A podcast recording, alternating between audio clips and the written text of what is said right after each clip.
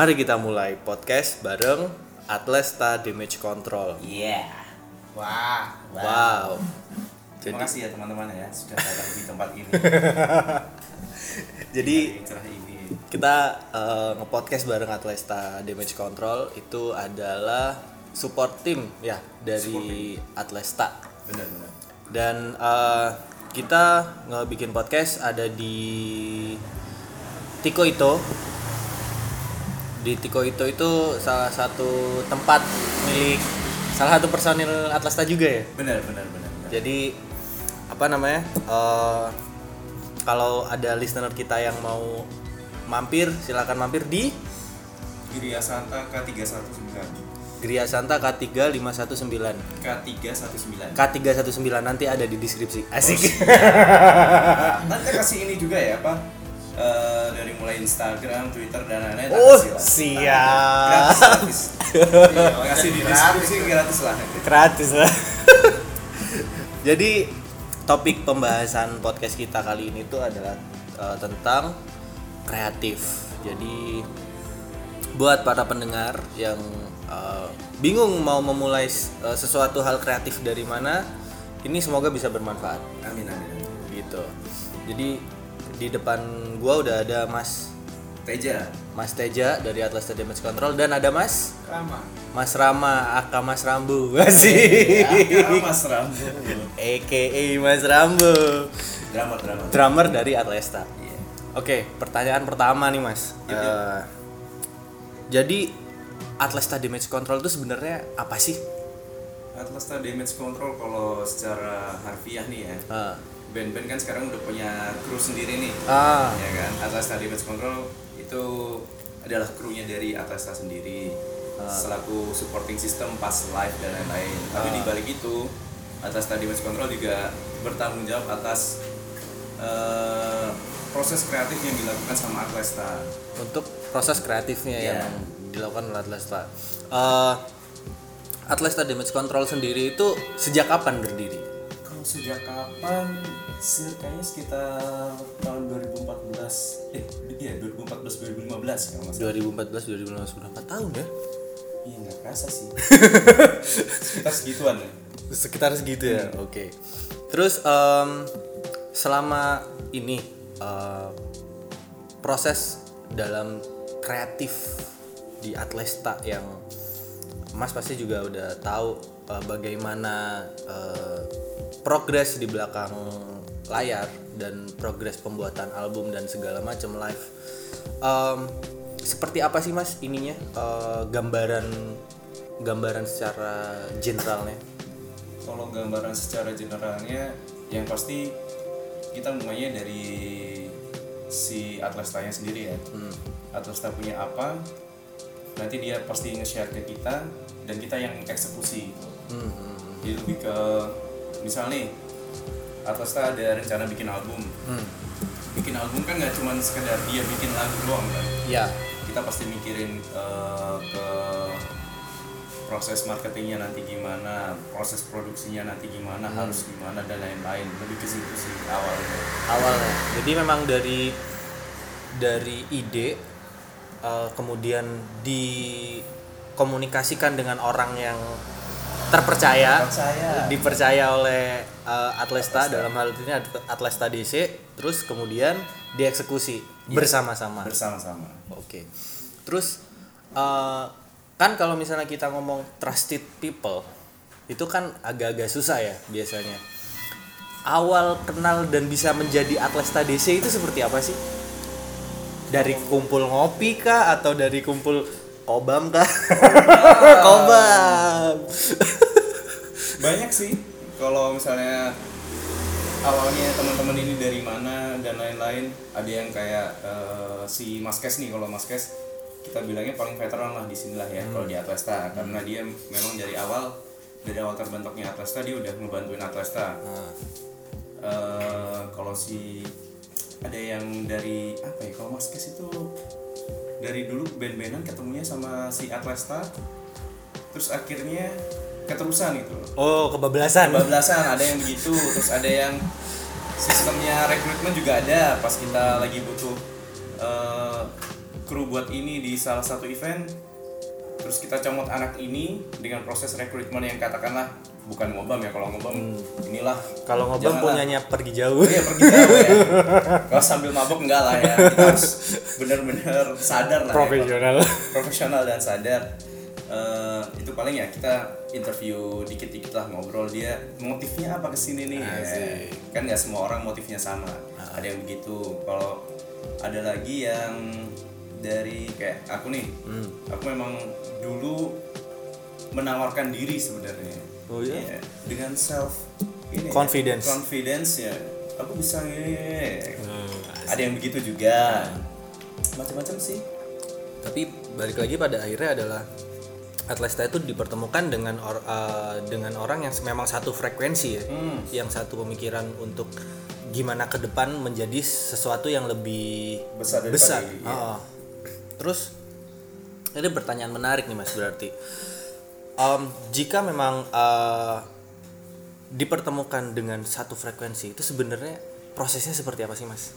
Maksudnya kayak karena banyak kan orang yang tidak tahu ini orang sefrekuensi sama kita nggak ya? Gitu kira-kira. Atau eh, ini orang tes musiknya nanti jangan-jangan gue maunya begini lu maunya begitu gitu kan. Iya. jadi bagaimana untuk eh, pada titik itu? Pada titik itu sebelum ke sana nih sebelum jauh ya kita pasti ngelihat yang nomor satu yang paling utama adalah attitude sih.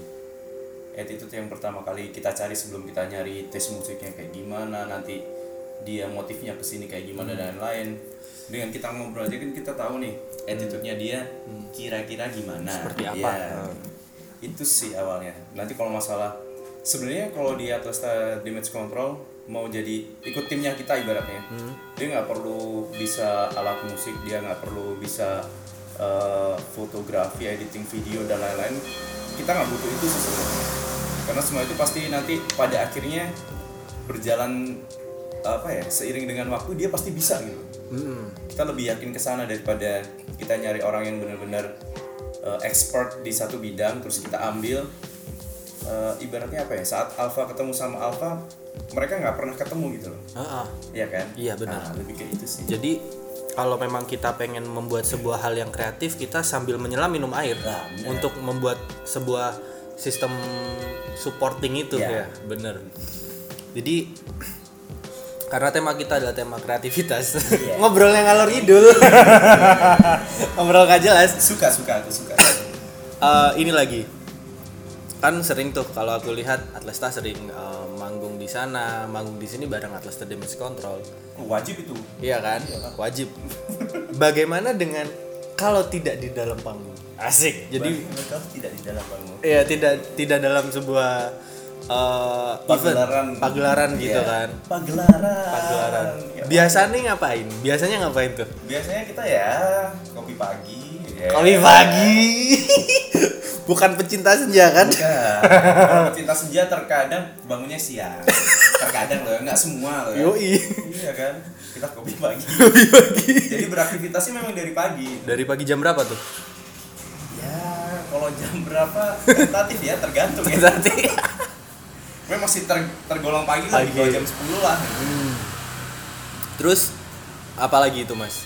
Selain itu? Selain kopi pagi ya, yang jelas eh, kalau dibalik sebuah show-nya kita kita ngapain aja ya? Latihan itu pasti. Selain itu kita juga pasti eh, ngobrol masalah ini itu dan lain-lain. Sekalipun itu hal receh ya entah cuman curhat masalah ini curhat masalah itu dan lain-lain. Tapi dari situ eh, ada proses yang namanya apa ya penyatuan chemistry. Nah itu. itu sih. Jadi memang ada penyatuan chemistry ya Iya. dalam dalam dalam sebuah supporting system itu ya. Oke. Buset. kenceng Kenceng, Bro. Jadi penting buat teman-teman kalau misalnya mau membuat sebuah sesuatu memang harus ada chemistry building. hmm, Terus harus ada kesamaan visi itu tadi benar dan kesamaan kita mau ke arah mana benar gitu kan terus ada lagi nggak kira-kira yang yang yang apa ya yang menjadi poin penting dalam kita eh, sebagai orang yang dilahirkan oleh Tuhan itu memang punya sebuah gift masing-masing. Dan kita nggak bisa hidup sendiri. Iya kan? Nggak bisa introvert nggak bisa introvert. bahasa campuran. Nggak bisa introvert. Eh, ada hal lain lagi nggak kira-kira yang untuk dalam hal ini secara general lagi ya yang bisa jadi eh, dasar yang bisa jadi dasar ya pertama adalah kejujuran sih mau nggak mau. Mau nggak mau ada kejujuran ya sebelum kita ngobrol yang ke mana-mana saat kita bisa jujur sama diri sendiri ataupun orang lain itu jadi modal utama sih. I- eh, jadi kita membangun sebuah integritas dalam diri sendiri. Gitu. Pernah nggak sih mas dalam suatu titik em, merasa bahwa ini tuh wah gue nggak bisa nih ngelakuin wah gue ribet nih mau ngelakuin gitu. Dan bagaimana cara solving itu? Kalau pernah kayak gitu ya pernah banget. Oh ya iya. Semua dari kita dari eh, kita ngobrol atlet saya jangan yang keluar ya Ah, kita dari pribadi masing-masing ini pasti pernah mikirin kayak gitu. Untuk problem solvingnya kayak gimana. Kalau dari aku pribadi nih ya kita harus lebih eh dari aku aku lebih bisa ngerti diri dulu lah ya. Maksudnya misal kita nggak bisa ini nih tapi kita pengen ya mau nggak mau harus belajar. iya harus belajar. Gitu. Karena kadang nih ya Ah. orang bisa karena terpaksa. Iya kan? Setelah terpaksa kita baru bisa tulus ya kan? Iya. udah tulus ya keterusan. Biasa gitu toh. Iya iya kebanyakan orang begitu. Saya pun juga begitu. Teman-teman yang lain mungkin juga begitu. Terus apa namanya? em, kita ngobrol topik yang agak-agak agak apa Lempar. ya ke mana ya agak-agak belok kanan. oh siap boleh belok kanan bukan belok kiri. belok kiri kadang nyerempatnya yang lain-lain kita ngomongnya yang Bahaya kanan-kanan aja deh. nanti eh, kredibilitas saya menurun Asik, Ya. wah, wah, wah. Ini bakso lewat. banyak kan Atlesta baru ngeluarin satu single baru, hmm. Living the Rumor. Hmm. Mau nyenggol Living the Rumor, proses dari awal ide Living the Rumor sampai pada akhirnya jadi itu seperti apa? Dari sisi Atlesta dan uh, Atlesta di Konor. Iya balik lagi dari rumor-rumor yang beredar ya karena kita juga eh, baru ngerti bahwa ternyata Atlesta banyak rumor-rumor yang kalau bisa dibilang miring ya Hah?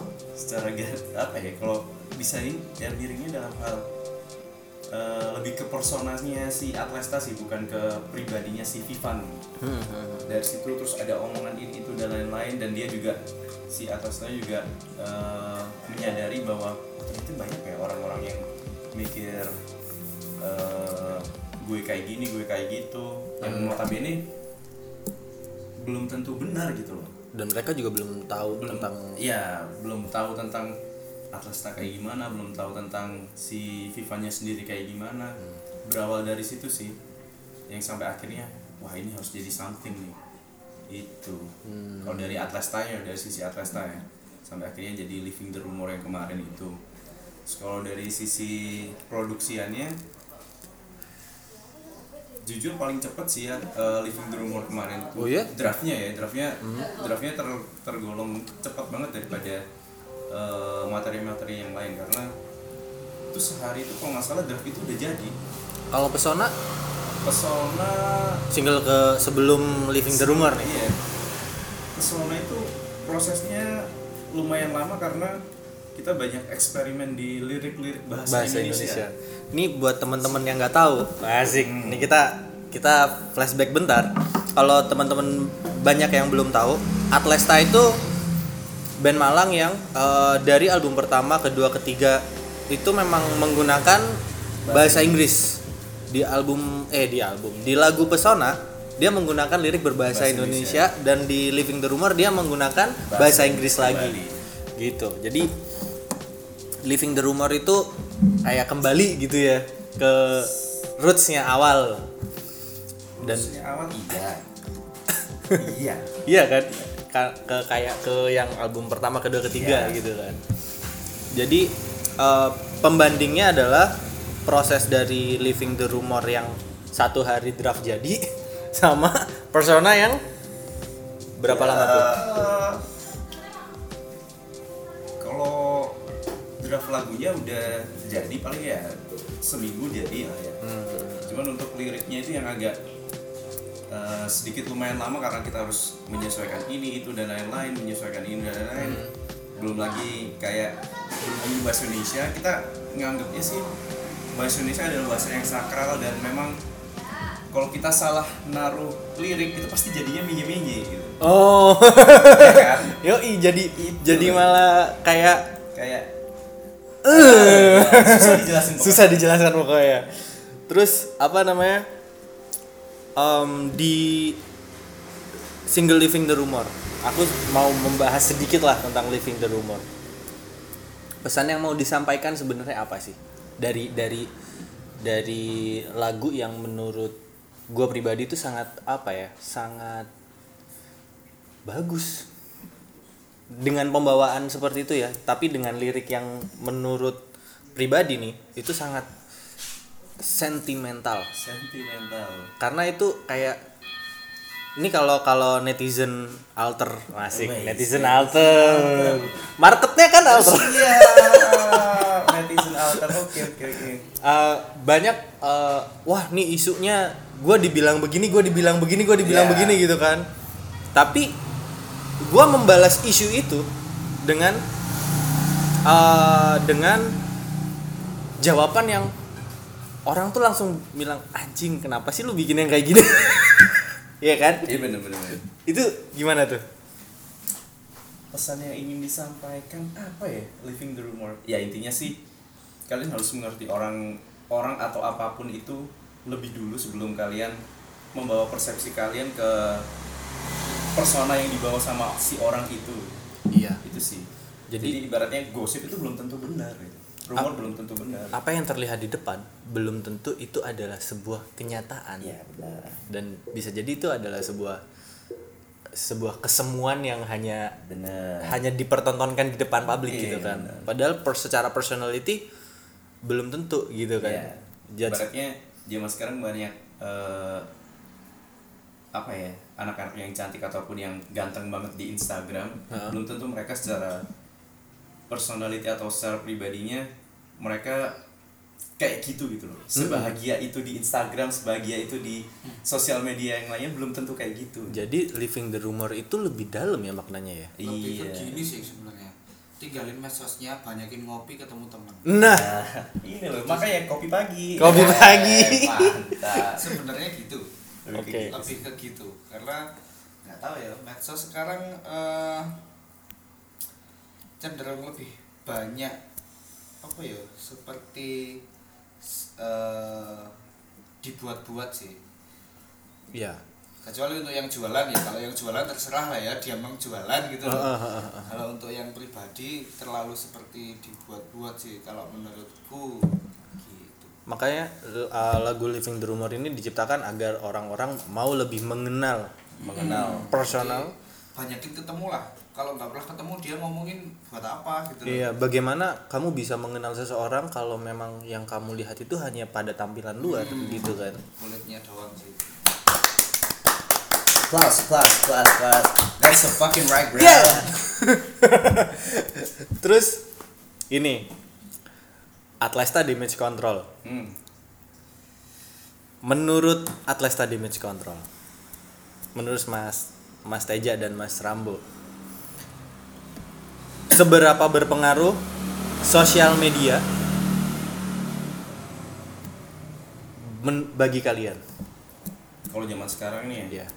sosial media dia sangat berpengaruh banget nih karena kadang orang bisa apa ya menggambarkan seseorang tanpa perlu melihat apa ketemu sama orang itu langsung ya cuman dari sosial media tapi ya itu tadi balik sebelum kamu ngomongin orang orang yang itu ya Heeh. alangkah baiknya ketemu dulu lah gitu. Heeh, dengerin dulu sesuatu Dengerin dulu karyanya gitu ya. karyanya atau apa pun lah itu ya terus sosial media memang eh, zaman sekarang adalah media promosi yang gampang-gampang susah ya gampang-gampang susah. gampang-gampang susah dan itu kalau buat kita sebagai pelaku seni pelaku seni Enak. enak. Padahal memang pelaku seni Iya, sih. Itu jualannya ya oke banget gitu loh sosial media Hmm. daripada kita Bis- cetak apa ya kita cetak CD beribu-ribu Hmm. tapi kita belum ngerti pasarnya kita ke mana ya mending di sosial media dulu aja gitu loh Hmm. ngelihat exposure-nya kayak gimana dan lain-lain itu dari situ pun lebih gampang gitu loh lebih gampang untuk eh, nge nge apa ya ngebawa apa produk kita Produknya, ya. kepada masyarakat. Berpengaruh banget buat jualan. Wah, tapi juga berpengaruh banget buat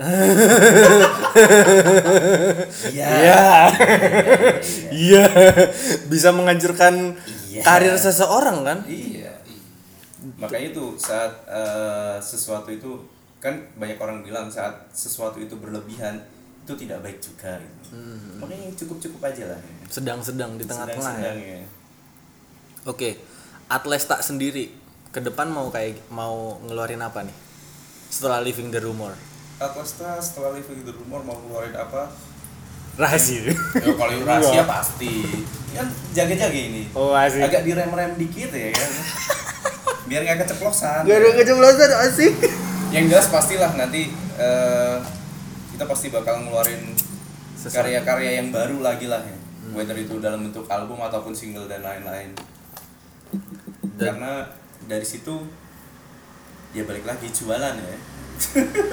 Sebenarnya aku kalau melihatnya bukan jualan sih mas. Loh kita jualan nggak mau cuan bos. Cuan bos. Nggak maksudnya eh, jualan itu kalau menurutku ya mungkin itu benar tapi mungkin aku bakar melihatnya itu kayak gini. Eh, sebuah eh, karya itu a- adalah sebuah hal yang bisa menginspirasi orang. Wes, iya nggak sih? Bener juga. Living the rumor kan bener. dari album pertama Atlesta sampai sekarang aku aku sendiri adalah orang yang ter terpengaruh. Terpengaruh ya kan? Out of the record tadi ya. Iya iya iya iya. Dari wih anjir ada band kayak gini yang bisa kreatif banget nih. Gitu kan? Jadi jadi bisa begitu. Memang kayak eh, Atlesta sendiri memang bisa meng- mengubah sudut pandang orang gitu kan. Dan itu bener-bener hal yang kreatif menurut menurut gua pribadi gitu kan. Oh, terima kasih loh ya. Kita sangat berpengaruh terhadap hidupmu. Bikin apa-apa kan?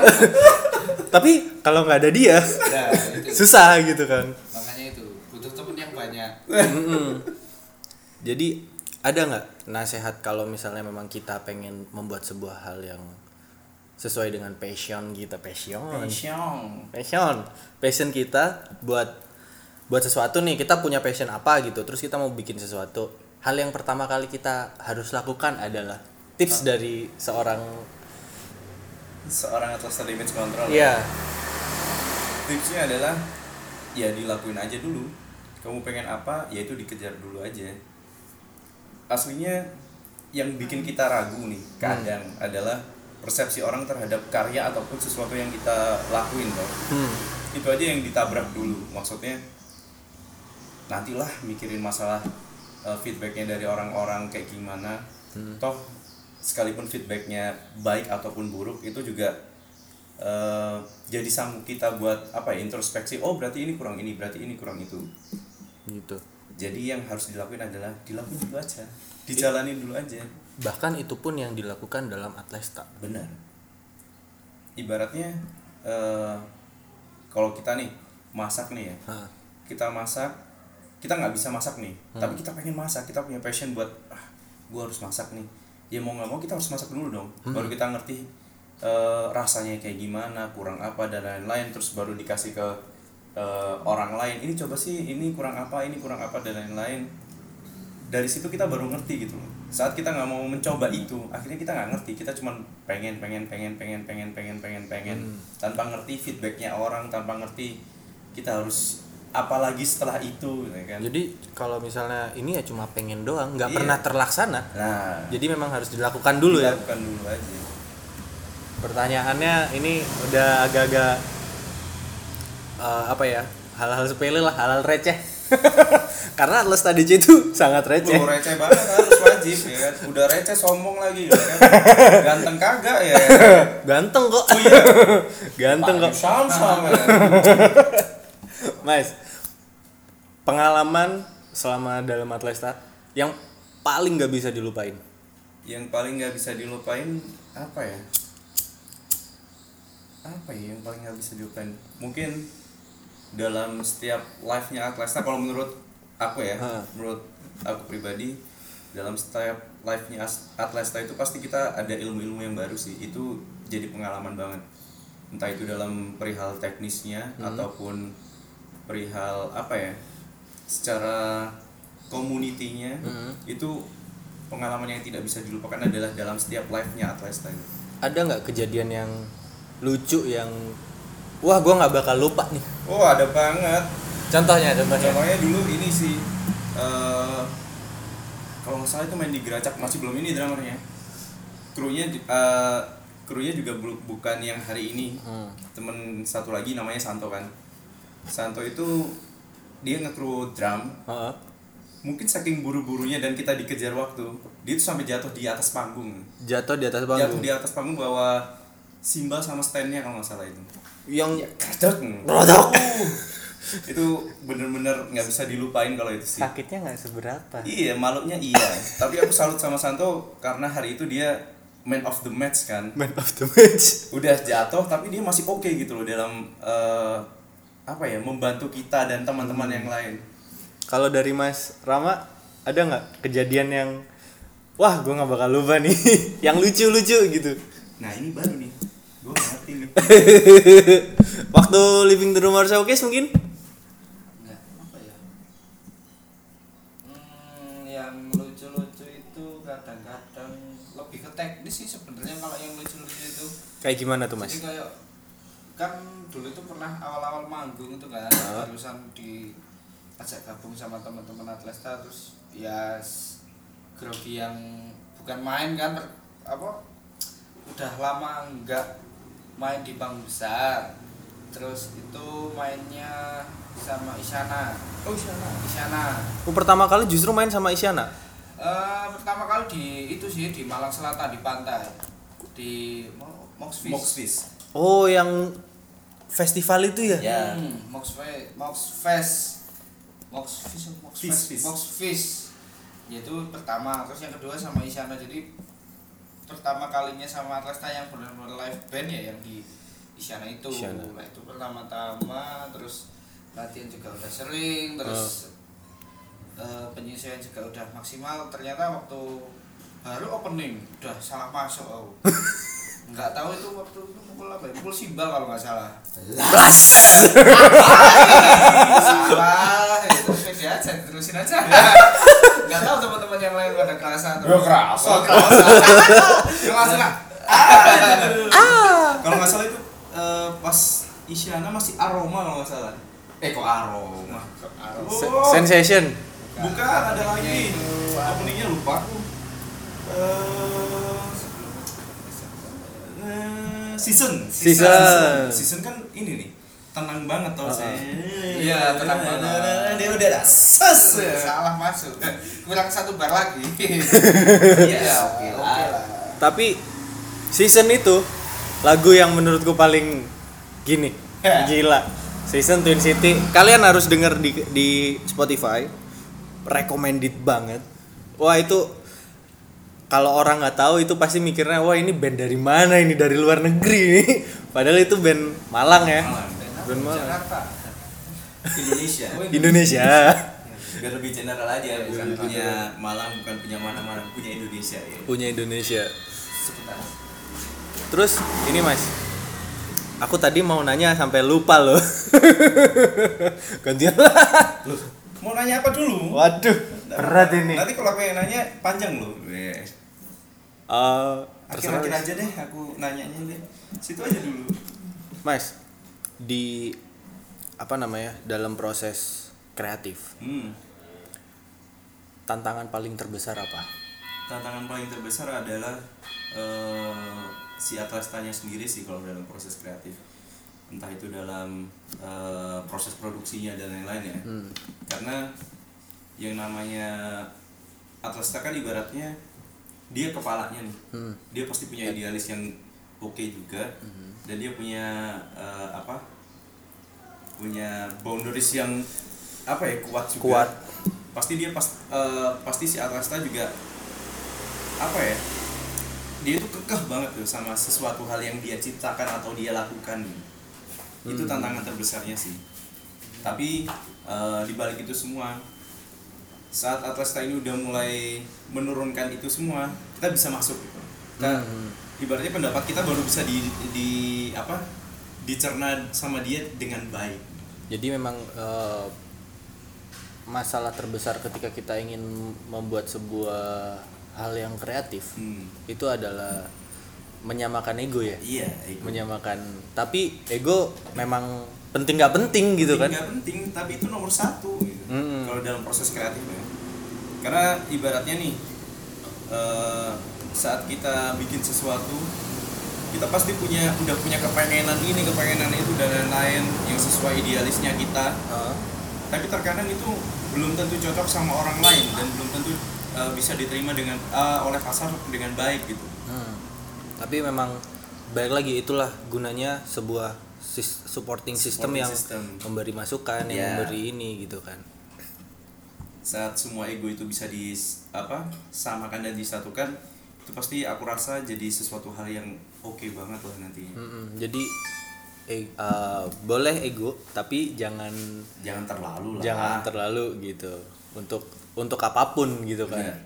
Bahkan untuk eh, band yang sekelas Atlesta yang menurut eh bukan band lo ya Atlesta One man band. nanti dimarahin bos gue untuk one man band sekelas Atlesta pun itu tetap eh, bahwa eh, apa ya kita tetap mau untuk menerima masukan dari orang lain tanpa menutup diri gitu. Iya.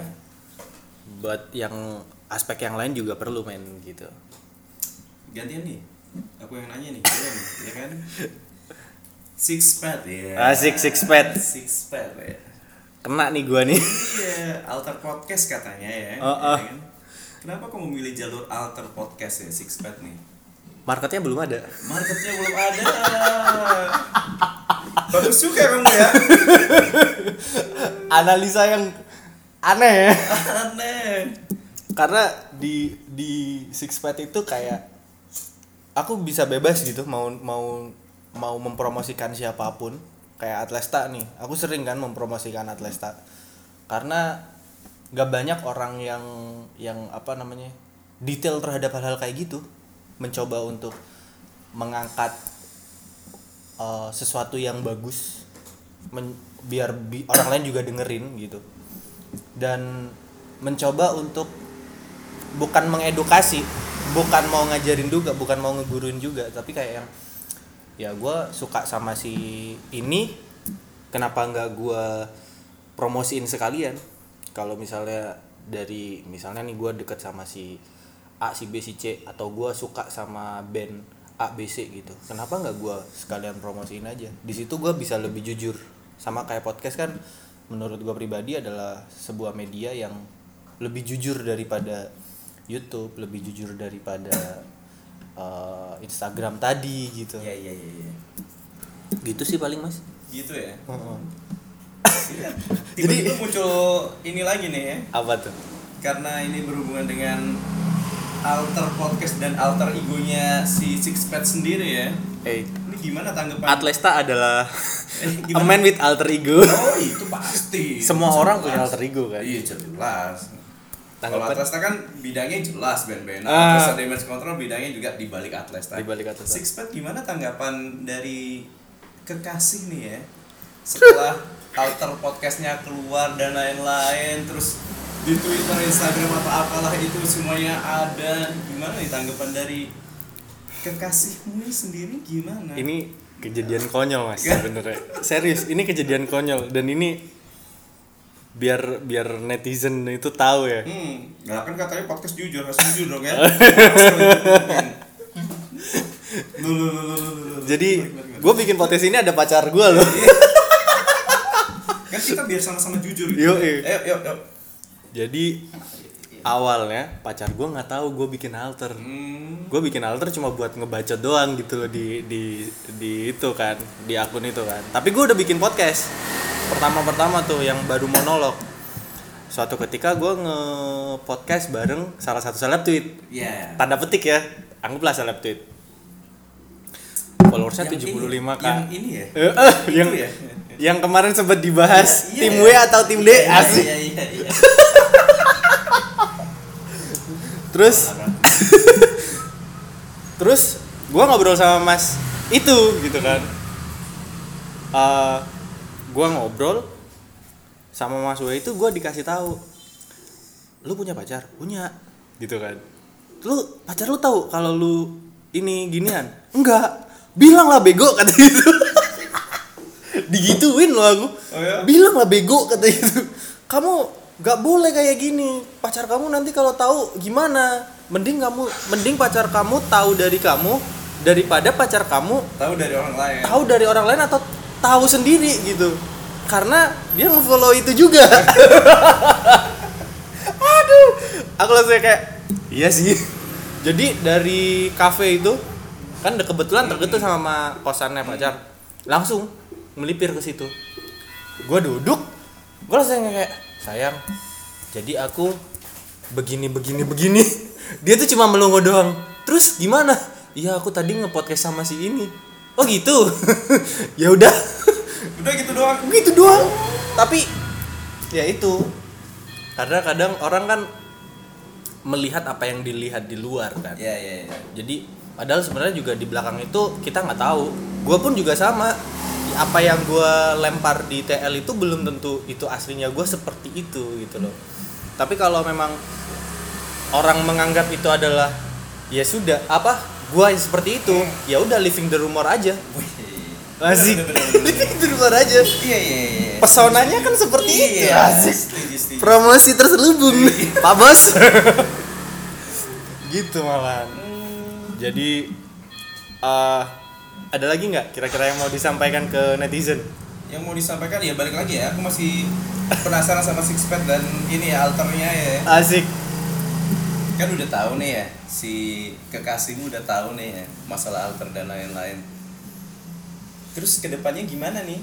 Atau dia masih kekeh dengan pendiriannya bahwa ya udahlah biarin aja lah itu cuman ibaratnya bagian dari marketingnya dia dan lain-lain lah atau ada sisi-sisi lain yang nggak usah gitu lah yang ada sih Ada ya? bentrok-bentrok kayak Oh, gitu selalu ya? ada ada ya kemarin dia bikin sendiri tuh Oh, malah ya? bikin alter alter ikutan dia jadi dia mantau Oh, Alter. aduh lawan sama alter juga nih Iya. siap kalau siap. kamu main itu aku juga main itu ya katanya Oh, gitu siap. waduh aku langsung ya udah kalau gue bikin musik lo bikin musik juga ya gitu gitu sih tapi nggak nggak ini sih ya nggak nggak apa yang sedang gue lakukan sekarang adalah gue mencoba untuk uh, mengachieve sesuatu yang lebih besar dari ini. Hmm. dan apa? Nikah? Atau gimana nih doain aja mas. oh doain aja. Amin mas kalau misalnya sampai nikah gitu kan. Kalau kata Sal Priadi amin paling serius lah dari gue lah ya. Ini bucinnya Sal Priadi Wadaw, sampai itu tuh. Nah, udah kalian dipertemukan dengan orang yang tepat. Bikin fanbase dah. Oh ngomong-ngomong fanbase. Fanbase nya Atlas apa sih? Nggak ada, nggak ada? Nggak ada. Kita memang dari awal kita udah ada komitmen nih buat kita nggak usah ada fanbase segala lah ya biar teman-teman sendiri yang semisal mereka suka sama Atlesta ya silahkan didengarkan dengan baik dan ini tanpa, tanpa ada embel-embel apa pun itu. Itu Tapi sih. ini kalau fanbase Atlas kan nggak ada. Hah. Kalau Atlas ada damage control Wah, punya. oh iya Iya, Avengers. Ewe. Avengers. Avenger Avengers Atlas Damage Control. asik Lihat aja Avenger. kan akunnya Atlas coba search profilnya siapa yang di follow. Oh, Si Sky. Iya. Ih, ketawa. E-nya si Sky mana bisa begitu Iya. cuy cacat itu Hancur. hancur Itu kalau ada damage control lebih liar sih. Lebih liar. lebih liar. Kita lebih bebas ya. Bebas. Karena kita Atlasta Damage Control itu butuh sebuah apa ya? Asupan. Asupan ya, benar. asupan inspirasi Asupan inspirasi untuk dilakukan di rumah masing-masing. yoi aduh Lebih enak sih Lebih kalau enak, ya. damage control itu. Dia punya fanbase. Ya fanbase punya- kan Avengers. Avengers Sama Solid Squad nih. Solid Squad Soli Soli. banyak yang soli soli Pak Soli. Pak Soli ini obrolan sangat-sangat random tapi ya semoga semuanya dapat dapat apa ya dapat Poin-poin yang intisari intisari Iya. Yang baik aja lah yang diambil lah ya. Mereka. kan. Oh iya ya. Iya kalau mereka ya? mau ambil yang jelek ya Oh, nggak iya, apa-apa, sama Oh. ambil yang baik nggak Ya, apa-apa. Kan apa-apa. kita damage control. Damage Control. perusak ya Bukan merusak sih. Ya ya. Tapi memang kalau Atlasta Damage Control eh, kita membangun personanya adalah apa ya? Lebih fun sih. hmm. gitu sih daripada ya kalau Atlasta kan sosok gimana ya yang classy glamour dan kawan-kawan yang sosok ini sorry bos lo kamu. bos kamu bos totolan bos tapi ini beneran ya kalau netizen pendengar gua nih gua kasih tahu aja ini ke, ke kalian juga ya pernah suatu ketika itu gua eh, promosiin Atlesta di Twitter Sixpad sampai pada suatu titik ada orang nge DM hmm. ngomong kayak begini cuy gue bagi referensi lagi dong. Dibilang gitu kan? Referensi? Iya referensi musik. Maklum anak-anak eh, kalau anak Jakarta itu kan klasiknya kan ngelihat band-band yang aneh gitu kan suka. Suka banget. Kayak kayak apa ya jadi kayak nilai nih gue dengerinnya kayak gini gitu kan. Terus gue kasih ini coba lu dengerin Atlesta yang album ini ini ini ini ini saat lo lagi kayak begini di titik itu lo bakal tahu rasanya itu gimana. Didengerin beneran dong. Oh ya? Iya dan itu beberapa hari kemudian dia nge DM bang makasih ya kenapa? Lagunya emang keren sih. Oh thank you lo ya. Iya terus buat sendernya thank you ya. Asik buat sender. sekarang kan Twitter Der, der, der, der, gitu. der ya buat sendernya thank you ya. Kita nanti keep contact via DM Asik. Jangan dimodusin om. Terus apa namanya di di di sosial media yang memang se fun itu dan sebebas itu jadi ya memang kelihatan banget gitu Iya. kan kayak kita mau ngefollow siapa pun juga tapi kita juga tidak bisa di apa ya tidak bisa dijudge dari apa yang kita follow benar itu sih. Benar. Tapi Dan- khusus oh control itu itu, itu benar. benar. Yang dia yang mereka follow adalah sebenar-benarnya mereka. mereka ya benar itu. Nggak bohong. nggak bohong. Nge eh, ngefollow base nggak sih? Ah enggak kalau base. Ah serius? Ih, serius. Ntar jangan-jangan yang suka nge ngepost di base M sekian malam enggak. nyari enggak nyari temen Karena Atlasa damage control sebenarnya punya alter ego juga akunnya. Wadaw. Wadaw. sebenarnya gitu gitu. Jadi Tapi kita- kita enggak itulah ya. kita dipertemukan dari dari Al- alter ke alter alter alter ya Ah, jadi dari hal-hal yang tidak terlihat di depan Iyalah. Oke. Thank you buat Atlesta Damage Control, thank you Sama-sama. buat Mas eh, Rama a- aka Rambo. Rambo. Terima kasih. buat teman-teman semua yang udah dengerin eh, jangan lupa kalau ke Malang mampir ke Tiko, itu. Iyalah, jualan nih. Jangan lupa ya mampir ke sini ya. Asik. Buktinya oke banget ya. Oh, dia buat. yang bilang yang buat sih. di Tiko itu di eh, Gria Santa K 319. 319. Nanti gua taruh di deskripsi. Jangan lupa juga dengerin Atlesta di Spotify, di YouTube. Jux ada nggak? Ada Jux dan di semua digital platform kalian lah pokoknya lah. ya. Heeh. dan deng- dan jangan lupa kalau misalnya di deket kalian atau kalian yang suka eh, ben- piringan fisik ya bentuk fisik gitu fisik. buat beli CD originalnya Ya. Itu langsung ke Atlas Store aja ya. nah nanti gue juga akan mention di situ Iya. Karena kalau masalah jualan Atlas Store, kalau masalah yang perewean dan yang fun-fun Atlas Damage Control yang serius dan bener-bener ini ya ke Atlas aja. Jadi terima kasih buat teman-teman semua yang di Atlesta dan Atlesta Damage Control dan Thank you, thank you Six Pair. Mas Rama kita akan eh, jumpa lagi kapan-kapan Oh, kalau pasti. misalnya live lagi kan Iya. joget-joget lagi Iyalah. banyak keseruan-keseruan terselubung sebenarnya di dalam shownya Atlasta itu tinggal kalian mau eh, menikmatinya dari sisi mana iya.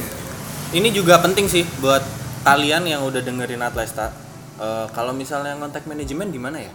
Langsung aja via Atlasta bisa kok. via Atlesta bisa ya? Hmm. jadi kalau misalnya kalian kuliah dan pengen bikin gigs sekali-sekali kan? Iya. Undang ke Jakarta Bandung Iya gitu kan?